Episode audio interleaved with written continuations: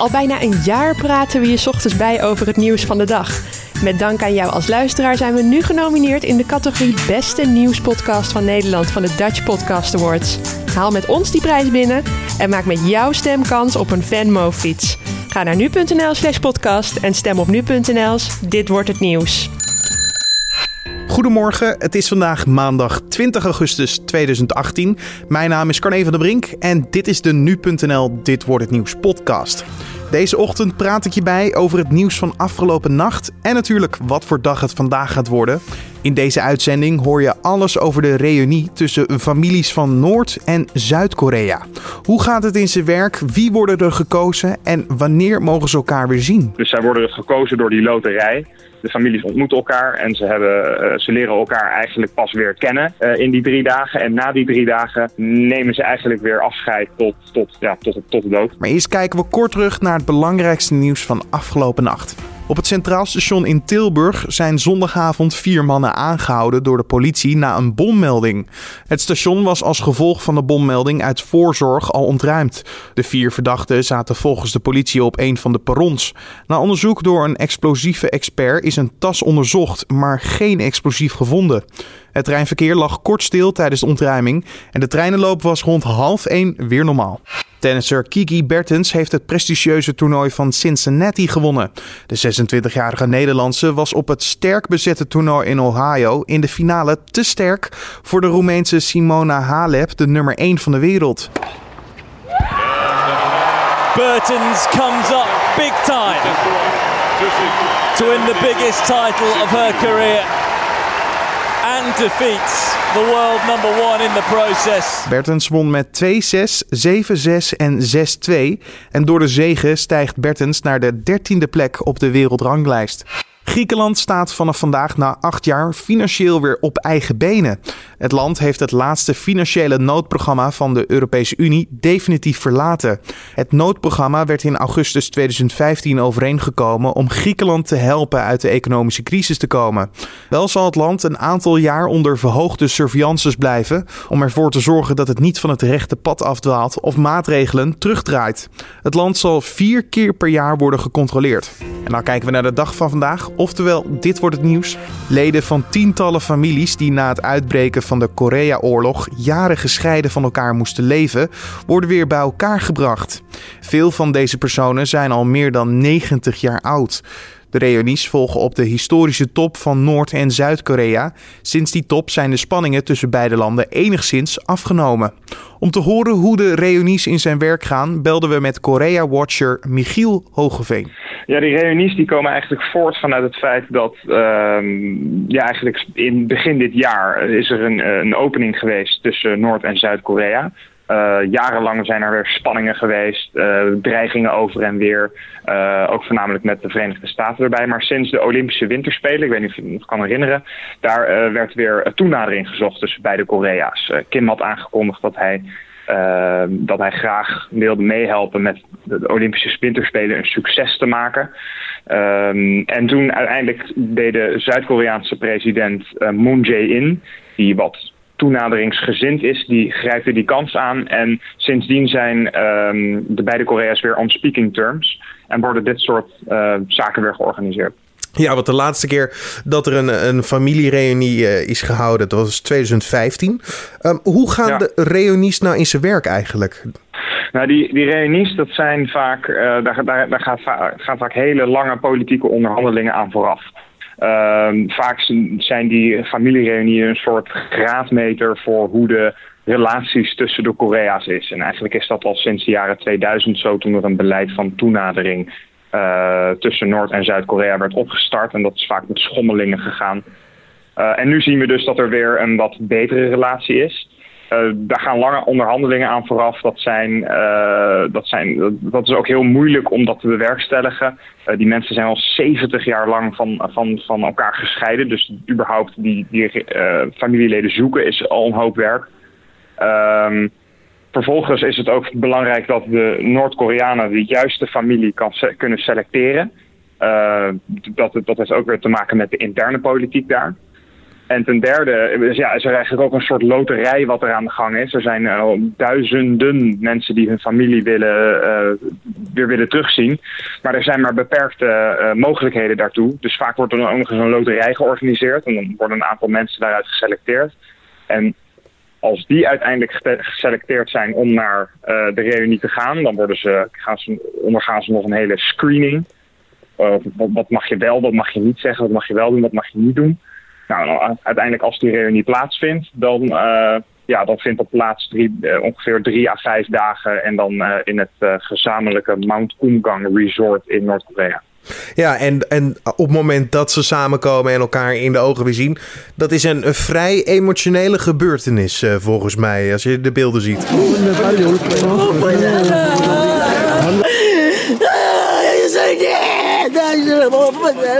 Ja, dat zijn altijd hele heftige beelden. Uh, dat, ja, je moet je voorstellen dat uh, jij hebt bijvoorbeeld uh, 70 jaar lang je broer of zus niet gezien.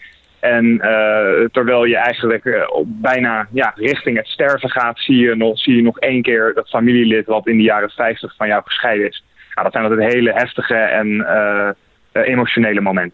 Ja, je, je, beschrijft het heel goed inderdaad. Alleen het is ook wel vreemd dat, dat, dat je eigenlijk een heel traject ervoor hebt. Dus wat je zegt, de screening. Um, en ze mogen zich ook niet helemaal vrij ja, ze mogen ook niet helemaal vrij spreken volgens mij. Bijvoorbeeld over het politieke klimaat. Daar wordt niet over gesproken tijdens deze reunies. Nee, dat is inderdaad, dat, dat, wordt inderdaad, dat wordt inderdaad afgeraden en het wordt ook verboden. Het is, het is uh, met Noord-Koreanen überhaupt heel moeilijk om over politiek te praten. Uh, als je zelf met Noord-Koreanen spreekt, dan je kan spreken over uh, het leven, over allerlei onderwerpen. Maar zodra je over politiek begint, dan komt de rem erop. Dat is zo ontzettend gevoelig om, om daarover te spreken.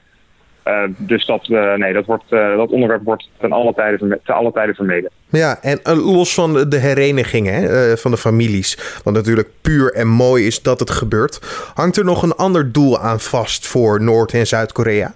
Voor beide landen is het eigenlijk een, een soort, ja, binnen de interna internationale betrekkingen heet dat de confidence building measures. Dus, dus wederzijds vertrouwen creëren. En uh, zoals ik net al zei, het, de, die familieherenigingen zijn een soort graadmeter in hoe die onderlinge verhoudingen, hoe, hoe, die ervoor staan. En voor um, Zuid-Korea is het een mooi moment om te laten zien dat zij een doorbraak kunnen forceren in die onderhandelingen en, en de toenaderingsbeleid met Noord-Korea. En voor Noord-Korea is het eigenlijk ook een mooi moment om te laten zien aan de wereld dat zij ook vrede willen. Dat zij ook toe willen werken naar een hereniging en er ook positief, een positieve draai aan het verhaal proberen te geven. En uh, ja, wat zegt dit dan eigenlijk over de vorderingen tussen dus Noord en Zuid? Nou, wat je nu ziet is dat, uh, dat, dat, dat, nou, dat goed, die hele dialoog met Noord-Korea is opgestart door de Zuid-Koreaanse president Moon Jae-in. maar de angel van het conflict ligt eigenlijk tussen Noord-Korea en de Verenigde Staten. het, is vooral, het zijn vooral die twee landen die op, op gespannen voet met elkaar staan. Um, en, en Zuid-Korea loopt daar als een soort oliemannetje, proberen, lopen ze daartussen. En wat we nu zien is dat we hebben de top gehad tussen de Verenigde Staten en Noord-Korea. Op 12 juni uh, tussen Donald Trump en, en Kim Jong-un. En uh, ja, toen ontstond er een hele positieve vibe. Maar die Amerika-Noord-Korea onderhandelingen die lopen nu nogal stroef. En wat je ziet is dat Zuid-Korea die dialoog probeert op gang te houden door dit soort zaken te organiseren. Er heeft bijvoorbeeld een Amerika of een ander land zoals China eventueel ook nog gereageerd op dit soort uh, reunies? Nou, die, China ziet het vooral als een interne aangelegenheid. Die, die, die, die vinden vooral belangrijk dat, dat, dat, dat de boel rustig blijft aan hun oost, oostelijke grens. Dus nou, die zien het als een interne aangelegenheid en die zien het uiteindelijk als ja, goede ontwikkeling voor meer stabiliteit in de regio. Uh, voor Amerika is, die zeggen vaak ook wel dat ze dit een goede ontwikkeling vinden en, en, en belangrijk voor, voor het Koreaanse volk. Maar de Amerikanen zullen wel met een, een, een schuin oog naar kijken hoe dit zich klaarspeelt. Want Amerika, die, zoals ik net al zei, die onderhandelingen met Noord-Korea, die lopen best wel moeilijk. Um, na de, de top tussen Kim en Trump werd er besloten dat uh, Kim zich zou toezeggen tot het denucleariseren van het Koreaanse schiereiland, dus zijn, kernwapens opgeven. En Amerika zou aan de andere kant toe gaan werken naar een uh, vredesregime, een vredesverdrag met Noord-Korea. En die onderhandelingen die lopen nu niet. Amerika zegt je moet eerst je kernwapens opgeven en dan gaan we praten over een vredesregime. En Noord-Korea zegt wij willen eerst stapsgewijs gaan praten over hoe we weer betere relaties kunnen krijgen. En dan gaan we pas denucleariseren. Dus die onderhandelingen lopen heel stroef. En het feit dat Noord- en Zuid-Korea nog wel blijkbaar in goede, uh, in, goed, ja, in goede doen met elkaar onderhandelen. Dat, dat zal voor de Verenigde Staten ook wel uh, een lastig punt zijn. Afsluitend, uh, de, de, families moeten wel weer afscheid van elkaar nemen deze week. Ze hebben elkaar weer gezien. En gaat het dan weer drie jaar duren voordat ze elkaar weer in de ogen kunnen kijken? Of kan het eventueel door de ontwikkelingen korter gaan duren? Nou, sterker nog, uh, wat er gebeurt is als zij elkaar drie dagen hebben gezien, zien ze elkaar na nooit meer. Dat, dat is doorgaans zo. Dus zij worden gekozen door die loterij de families ontmoeten elkaar en ze, hebben, uh, ze leren elkaar eigenlijk pas weer kennen uh, in die drie dagen. En na die drie dagen nemen ze eigenlijk weer afscheid tot, tot, ja, tot, tot de dood. Het, het is, uh, ze zien elkaar niet meer. Uh, want dat is omdat als er weer een volgende reunie is, dan is dat, wordt dat weer via hetzelfde loterijsysteem uh, georganiseerd. Uh, ja, er worden dus maar ja, 60 tot 100 mensen uitgekozen uit die loterij van de 100.000 aanmeldingen. Dus de kans dat ze elkaar weer te zien krijgen is zo goed als nul. Je hoorde politicoloog en Noord-Korea-watcher Michiel Hogeveen. Verschillende leerlingen van het VMBO in Maastricht beginnen aan hun tweede toetsperiode. De toetsen die ze maken moeten ervoor zorgen dat ze alsnog een VMBO-diploma kunnen halen.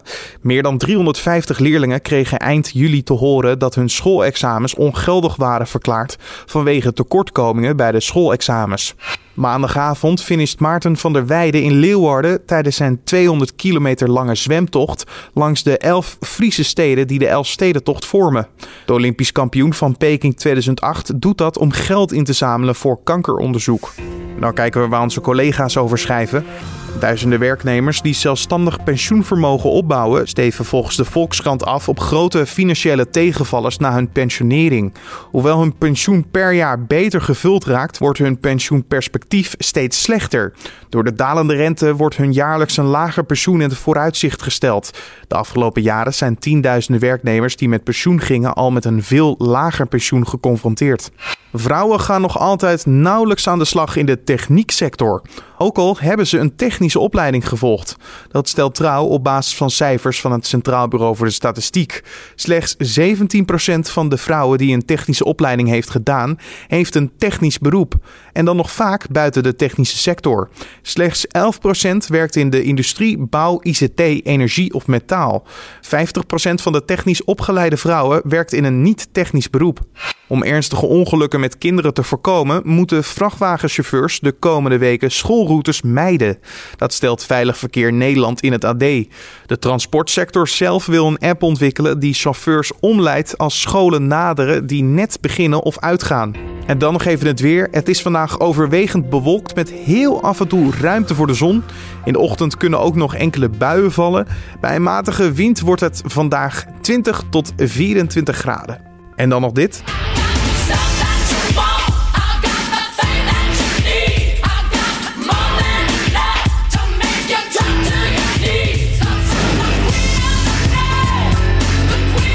Een van de meest iconische outfits die Whitney Houston heeft gedragen in de film The Bodyguard wordt geveld. Het metalen pakje dat de zangeres droeg tijdens een optreden in een club als haar personage Rachel Marin moet minstens 10.000 dollar opleveren. Dat is zo'n 8750 euro. Zo meldt de entertainment website The Blast. Het metalen pakje is te zien in de videoclip van het nummer Queen of the Night en op de filmposter van The Bodyguard. Dan kan je alvast even kijken voordat gaat bieden. Dit was dan de Dit wordt het nieuws podcast voor deze maandag 20 augustus. Je vindt deze podcast van maandag tot en met vrijdag om 6 uur ochtends op de voorpagina van nu.nl en in je desbetreffende podcast app. Laat ons weten wat je van deze uitzending vond. Dat kan via mailtje naar feedback@nu.nl of laat een reactie achter in je favoriete podcast app. Mijn naam is Carne van der Brink en voor nu een fijne dag en tot morgen.